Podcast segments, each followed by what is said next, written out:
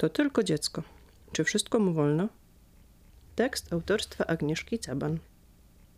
Czy znaleźliście się kiedyś Państwo w sytuacji, gdy cudze dziecko zachowywało się skandalicznie wobec Was lub Waszego dziecka? Jeśli tak, z pewnością zastanawialiście się, jak powinniście się zachować. Właściwa reakcja nie jest ani taka prosta, ani taka oczywista.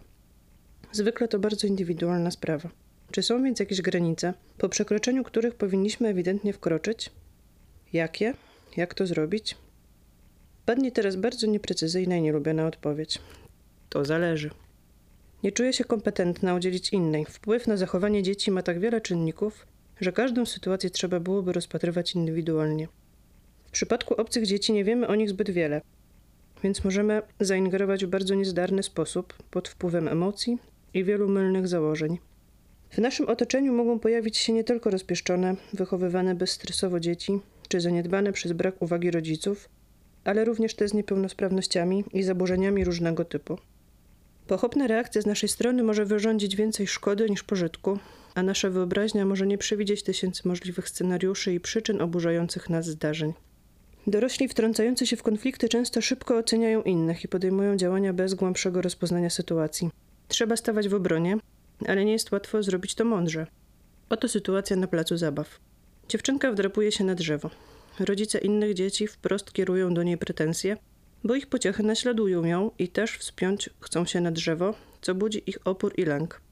Mama dziewczynki w tym momencie wkracza w obronie córki. Proszę państwa, moje dziecko może wchodzić na drzewo, a skoro państwo potrzebujecie opieki nad swoimi dziećmi, to proszę zatroszczyć się i czuwać nad ich bezpieczeństwem. Czy dostrzegamy subtelność tej sytuacji? Nie można obwiniać dziewczynki i obarczać jej odpowiedzialnością za inne dzieci. Ona zachowuje się zgodnie z wytyczonymi granicami i nie krzywdzi nikogo. Nie pomylmy przy tym bezstresowego wychowania z traktowaniem dziecka z równą godnością, szacunkiem, brania pod uwagę jego zdania, potrzeb, ale nie w sensie równego decydowania.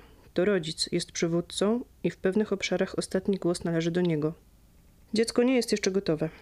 Dlatego mamy władzę rodzicielską, inaczej nasze dziecko nie mogłoby należycie zabezpieczyć swoich praw i potrzeb, ani rozwijać się w sposób harmonijny.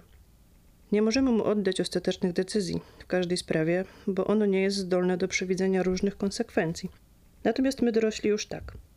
I to my powinniśmy wprowadzać dziecko w świat w sposób nie tylko bezpieczny, ale przemyślany i służący jego dobru. Istnieje też druga strona medalu. Pamiętam opowiadaną przed laty anegdotę o mamie, która nie reagowała w autobusie, kiedy jej dziecko machało nogami, siedząc naprzeciw pewnej starszej pani ubranej w jasne spodnie. Kopanie owej pani, co skutkowało też pobrudzeniem jej ubrania, trwało jakiś czas, aż postanowiła ona zareagować, nie mogąc doczekać się uwagi ze strony matki dziecka. Zwróciła się do niej z prośbą, by zareagowała. Wówczas matka bardzo wzburzonym tonem odpowiedziała: Jak pani śmie wtrącać się w wychowanie mojego dziecka? Wychowuję je bezstresowo i nie pozwolę, by ktoś obcy zwracał mi uwagę. Niespodziewanie trzymający się poręczy nieopodal młody jegomość z farbowanym irokezem na głowie Splunął żółtą właśnie gumą na czoło owej mamy. Znów powtórzyło się pytanie.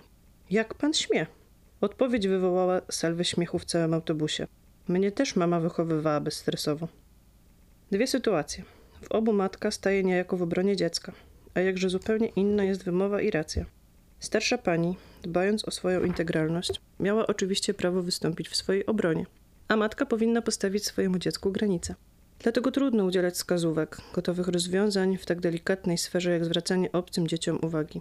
Trzeba oczywiście wkraczać, gdy ktoś narusza nasze granice lub granice naszych dzieci. Jednak z pewnością jest to sztuka. Najczęściej nie znamy kontekstu, przyczyn i trudno wówczas oceniać czyjeś zachowanie.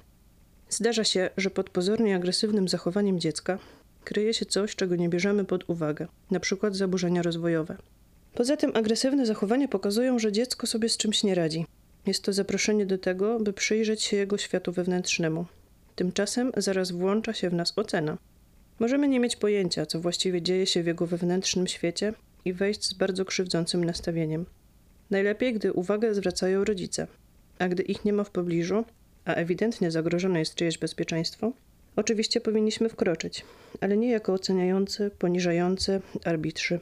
Nikt z nas chyba nie lubi, gdy ktoś obcesowo zwraca się do naszego dziecka, a z drugiej strony, gdyby naszemu dziecku działa się krzywda, chcielibyśmy, by ktoś je ochronił w razie potrzeby. Tymczasem nazbyt często ingerujemy w konflikty dzieci, co wcale nie musi być zawsze dobrym rozwiązaniem. Dziecko oczywiście potrzebuje wsparcia ze strony rodziców z przeciwnikiem mającym znaczną przewagę, z którą nie bardzo ma jak sobie poradzić. Jednak wtrącanie się dorosłych w konflikty z piaskownicy może być dużym błędem. Najczęściej walczą oni wtedy ze sobą albo się obrażają, a wówczas dzieci zamiast załatwiać swoje sprawy po dziecięcemu, tak naprawdę ucząc się rozwiązywać konflikty, zaczynają ekscytować się rozgrywkami rodziców. Jest jeszcze druga wada takiego obrotu sprawy. Zbyt pochopne wkroczenie rodziców oducza dzieci samodzielności i inicjatywy. Psycholodzy radzą, by gdy chcemy coś zrobić dla swojego dziecka, dosłownie za nim stanąć. Nie pouczać tego drugiego, nie gromić, nie rozstawiać po kątach, nie ratować swojego, biorąc je na ręce, ale fizycznie dać odczuć swoją obecność. Wesprzeć je, a nie załatwiać wszystkiego za nie. Stać, ale nie pozwolić działać dziecku. Rozmowy z rodzicami dzieci przekraczających normy społeczne wymagają ogromnej dojrzałości z obu stron. Zdarza się wypieranie problemu, obrona własnego dziecka za wszelką cenę, a czasem niezrozumienie mechanizmów rządzących rozwiązywaniem sytuacji konfliktowych. Dobrze jest konfrontować się z rodzicami drugiej strony, unikając napastliwości, postawy roszczeniowej i zakładania z góry niewinności własnego dziecka.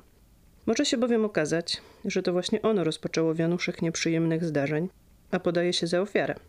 Jest to dość częsta sytuacja. Jeśli konflikt miał miejsce na terenie przedszkola lub szkoły, pozwólmy zająć się nim pedagogom. Nie wolno nam wymierzać. Tak sprawiedliwości. Jeśli to nasze dziecko przekracza granice, nie bójmy się ich stawiać na nowo, bo to właśnie one dają moralne poczucie bezpieczeństwa. Poznanie własnych granic wymaga czasu oraz autentycznej relacji z drugim człowiekiem. Wejdźmy w dialog, poszukując niezaspokojonych potrzeb dziecka wsłuchując się w świat jego uczuć. Zawsze reagujmy, ale też wysłuchajmy cierpliwie.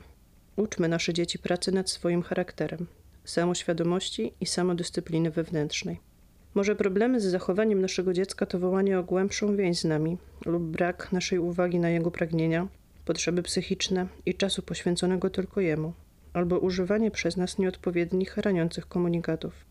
Ten temat wymagałby z pewnością całego cyklu artykułów, dlatego zachęcam Państwa, do zapoznania się z działalnością międzynarodowej organizacji Family Lab, założonej przez duńskiego pedagoga i terapeutę rodziny, Jaspera Jula. Warto przeczytać jego publikacje, wydane w języku polskim. Polecam również warsztaty Porozumienie bez przemocy i literaturę autorstwa Marszala Rosenberga. To z pewnością nie tylko pomoże zgłębić poruszany temat z różnych perspektyw, ale zabierze Państwa w niezwykłą przygodę bycia rodzicem, rozwijającym swoje kompetencje, pogłębiającym więzi i miłość do dzieci, nie tylko skutecznie, ale będąc odpowiedzialnym za wyznaczenie swojej przestrzeni w relacjach z dziećmi w taki sposób, który nie wpływa destrukcyjnie na wzajemny kontakt i bliskość. Artykuł opublikowany w czasopiśmie Przyjaciel Rodziny, wydawanym przez Centrum Życia i Rodziny. Tekst autorstwa Agnieszki Caban.